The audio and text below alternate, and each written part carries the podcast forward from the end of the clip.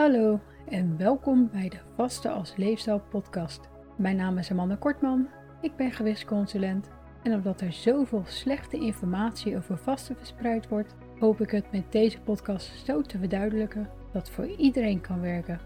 Hiernaast wordt het belang van een gezonde leefstijl vaak onvoldoende benadrukt, maar ook dat is cruciaal als je van vasten je leefstijl wilt maken. Welkom bij aflevering 50. In deze aflevering bespreek ik weer een paar vragen van luisteraars, beginnende bij die van Anja.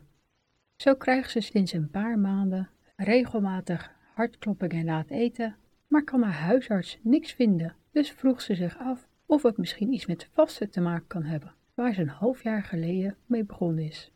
Ik heb deze vraag vaker voorbij zien komen in de grootste vastgroepen waar ik lid van ben en dit lijkt niet gelinkt te zijn aan het vasten zelf, maar eerder aan te snel eten, het drinken van alcohol of natuurlijk te veel cafeïnehoudende dranken, voedselintoleranties, te veel snelle suikers en of zout of te pittig eten. Stress kan ook een trigger zijn, net als bepaalde medicatie en supplementen, maar ook een vochttekort of juist een elektrolytentekort. Hiernaast kunnen hormoonschommelingen een oorzaak zijn. Als ik er last van had, zou ik naast mijn huisarts bezoeken ook kijken naar de connectie tussen de net genoemde en de hartkloppingen en een klachtendagboek bijhouden. Hierin houd je simpelweg bij wat je hebt gegeten en gedronken en of je er binnen een paar uur klachten van hebt gekregen. Vermoed je echter een voedselintolerantie, houd er dan rekening mee dat de reactie erop wel een paar dagen kan duren. Houd natuurlijk ook je stressniveau, slaappatroon, medicatie en supplementen bij en als vrouw ook je menstruatiecyclus. Vaak kan je binnen een paar weken een patroon herkennen. Door het vasten voel je vaak veel beter wat alles met je doet, waardoor vage klachten je nu misschien pas opvallen.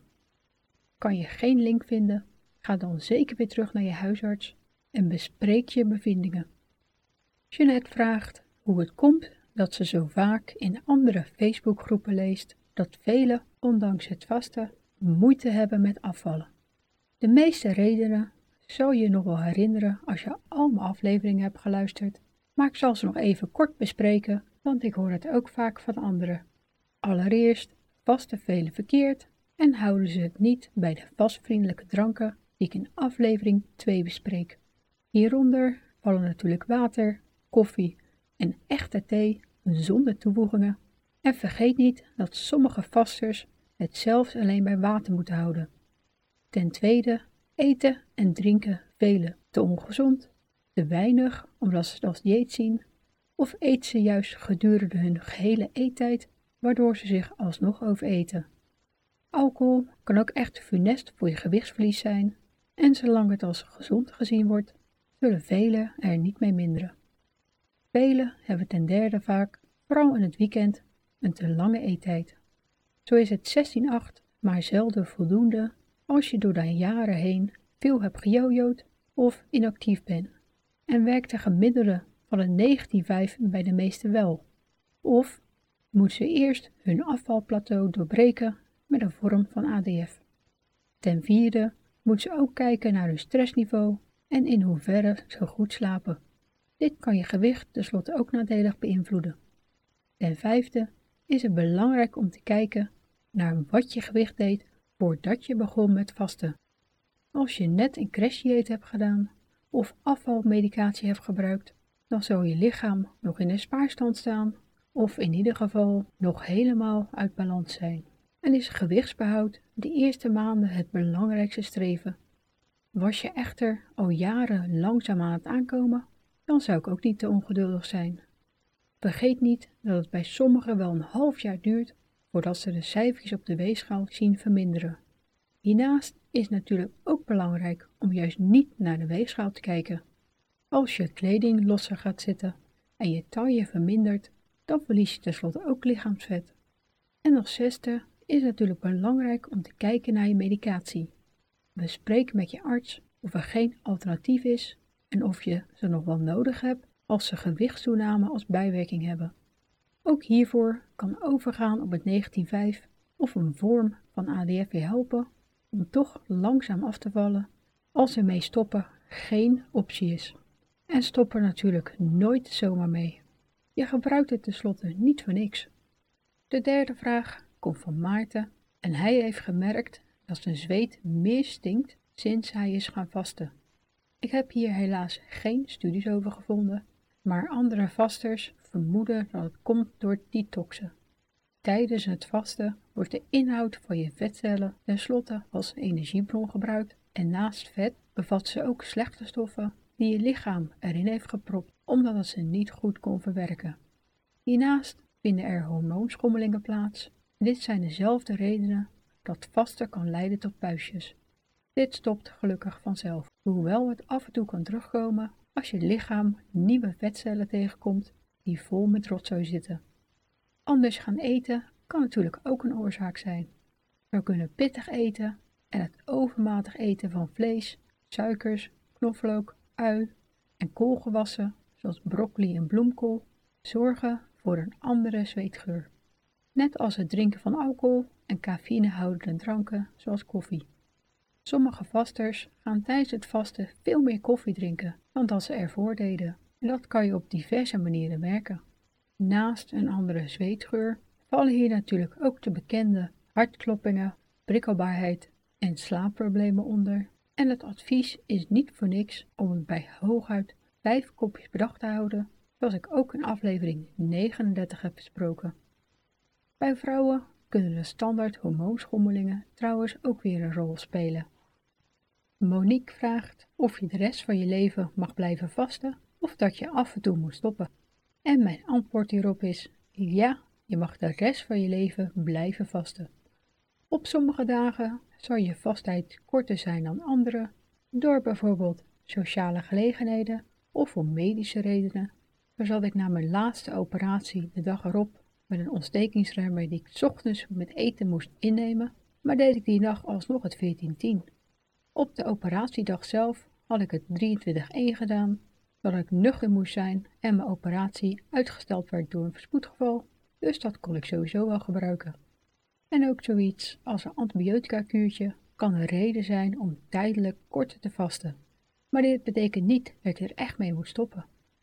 Overige medische redenen en zoiets als zwanger zijn en borstvoeding geven zijn natuurlijk wel redenen om niet te lang te vasten, maar die bespreek ik niet voor niks al in aflevering 5. Je kan dus met een gerust hart de rest van je leven blijven vasten en je kunt je dagelijkse uren simpelweg laten afhangen van je doelen en omstandigheden en schuif indien nodig met je eettijd, zoals ik ook in aflevering 14 uitleg.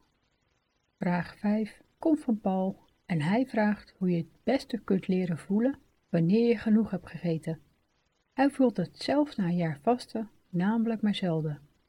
Een simpele tip hiervoor is door heel erg langzaam, zonder afleidingen, zoals de tv of je telefoon, te eten en na iedere hap je bestek neer te leggen. Door rustig de tijd voor je maaltijd te nemen, is het namelijk veel makkelijker om te voelen wanneer je vol begint te raken. Drink gedurende de dag ook voldoende vocht, waarbij natuurlijk de voorkeur gaat naar water, wat altijd vatvriendelijk en het meest dorstlessend is. Dorst en honger kunnen namelijk heel erg op elkaar lijken en tijdens het vasten kan je door de verlaging van je bloedglucose extra vocht kwijtraken. Hiernaast is het natuurlijk belangrijk om voldoende voedingsstoffen binnen te krijgen, zodat je lichaam niks tekort komt en bij tijd het signaal geeft dat je genoeg hebt gehad. Vooral eiwitten en de vezels vullen goed, maar vergeet niet dat je ook voldoende vitamine en mineralen nodig hebt en luister de voedingsstoffenafleveringen 30 tot en met 34 nog een keer als je niet meer precies weet hoe en wat. Let hiernaast ook goed op je stressniveau, hoe goed je slaapt en drink zo min mogelijk alcohol. Die drie vergroten tenslotte ook de kans dat je meer wil eten dan je nodig hebt. Sanna vraagt wat je het beste kunt doen als je na een extreem stressvolle dag tijdens je geplande vasttijd toch bent gestopt met vasten door alcohol te drinken en te snacken. En of het beter is om de volgende dag je standaard vastschema aan te houden of om ervoor te compenseren door langer te vasten en korter te eten. In dit geval zou ik gewoon mijn standaard schema aanhouden. De kans is namelijk groot dat je door de alcohol en snacks de dag erop meer trek hebt, wat het lastiger maakt om je ter compensatie aan je standaard vasturen te houden. Dit vergroot dan alleen maar de kans dat het mislukt, waardoor je mentaal helemaal een opdonder krijgt, welke je na zo'n stressvolle dag nog slechter kan verwerken. Let er die dag wel op dat je goed gebalanceerd eet en kijk of je manieren kunt verzinnen om de volgende keer je emoties gezonder aan te pakken. In mijn blog Stress heb ik hier diverse tips voor staan. Als het niet vanwege een emotionele reden was geweest, dan had ik haar geadviseerd om haar eettijd de volgende dag of zelfs dagen ietsjes korter te maken, zodat ze die week in ieder geval aan haar gemiddelde vasttijd zou komen. Het effect van de emoties moet niet onderschat worden, maar laat het natuurlijk geen terugkerend excuus worden om steeds losser om te gaan met je vastschema. Wat zorgt er tenslotte voor dat je je mentaal nog slechter gaat voelen. Probeer je gewoon zoveel mogelijk aan je vastschema te houden, zodat je vasten het beste kunt volhouden en je er echt je leefstijl van maakt. De zevende vraag komt van Stefan en hij vraagt wat je het beste kunt doen als je het liefst ontbijt en juist je avondeten overslaat. Hij heeft namelijk jonge kinderen en vindt het raar overkomen om s'avonds niet mee te eten. In dit geval zijn er een paar dingen die je kunt doen.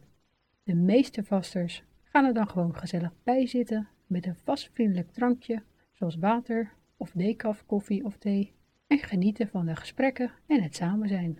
En als je kinderen vragen waarom je niet mee eet, dan is het natuurlijk belangrijk om uit te leggen dat je als volwassene niet zoveel hoeft te eten als kinderen, die nog in de groei zijn. En dan wordt het over het algemeen gewoon geaccepteerd. Vind je het nog lastig om zonder maaltijd aan tafel te zitten, dan kan je bijvoorbeeld in een andere ruimte gaan zitten of een ommetje maken. Een andere optie is om af en toe mee te eten door met je eettijd te schuiven of door over te gaan op ADF of MADF. Bij MADF waar je de minimaaltijd van maximaal 500 calorieën tijdens het avondeten nemen en jouw maaltijd simpelweg iets anders samenstellen zodat het daar binnen valt. Bij ADF was je natuurlijk de ene dag volledig en dan kan je die dag weer bij vastvriendelijke dranken houden en de andere dag eet je twee of drie maaltijden en kan je s'avonds gewoon mee eten en de dag erop was je weer volledig. En regelmatig schuiven met je eettijd kan natuurlijk ook. Eet bijvoorbeeld in het weekend altijd mee en houd door de week je favoriete ochtendschema aan. Luister afleveringen 2, 3, 7 en 14 nog een keer voor meer uitgebreide informatie en tips. Als laatste vraag schrijft Tanja dat ze ondanks een maagverkleining twee jaar geleden toch weer was aangekomen en ze wil vasten toevoegen om in ieder geval makkelijker op gewicht te blijven. Ze vraagt zich daarom af wat het beste schema voor haar zou kunnen zijn. Het probleem met een maagverkleining is natuurlijk dat je maar kleine maaltijden kunt eten en er niks bij kan drinken doordat je maag zo klein is, waardoor het lastig is om alles binnen te krijgen wat je nodig hebt. De ervaringen van anderen laten zien dat MADF of het 16-8 met drie kleine maaltijden in zuivel of zuivelvervangers als twee tussendoortjes het beste werkt. Ik benoem trouwens specifiek MADF, aangezien je door maagverkleiding sowieso tekorten oploopt, waardoor het nemen van een speciale multivitamine noodzakelijk is. En daar heb je tenslotte iets te eten bij nodig om alles zo goed mogelijk op te nemen. De dag erna zou ik binnen 10 tot 12 uur eten. Je kan ook MADF combineren met bijvoorbeeld het 1410 en 16-8.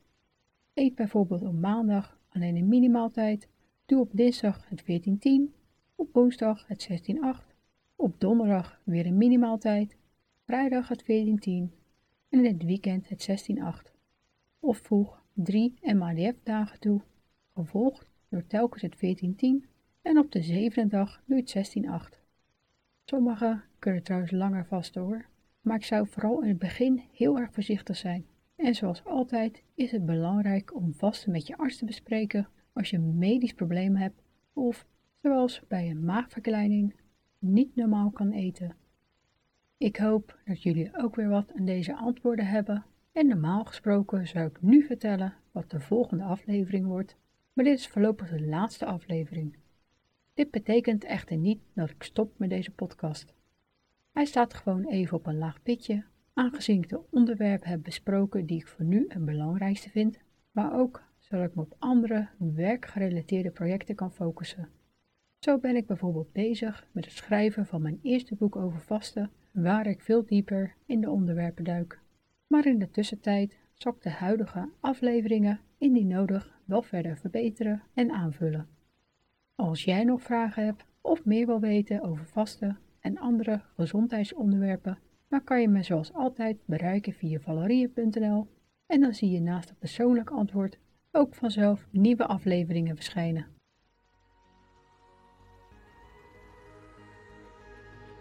Bedankt voor het luisteren en vergeet niet dat je de onderwerpen en bronnen altijd in de omschrijving van de aflevering kunt vinden. Weet je niet zeker of sommige tips of adviezen ook voor jou geschikt zijn? Bespreek ze dan natuurlijk altijd met je arts. Heb je nog vragen of opmerkingen? Of heb je behoefte aan persoonlijke begeleiding? Kijk dan op valerien.nl voor meer informatie.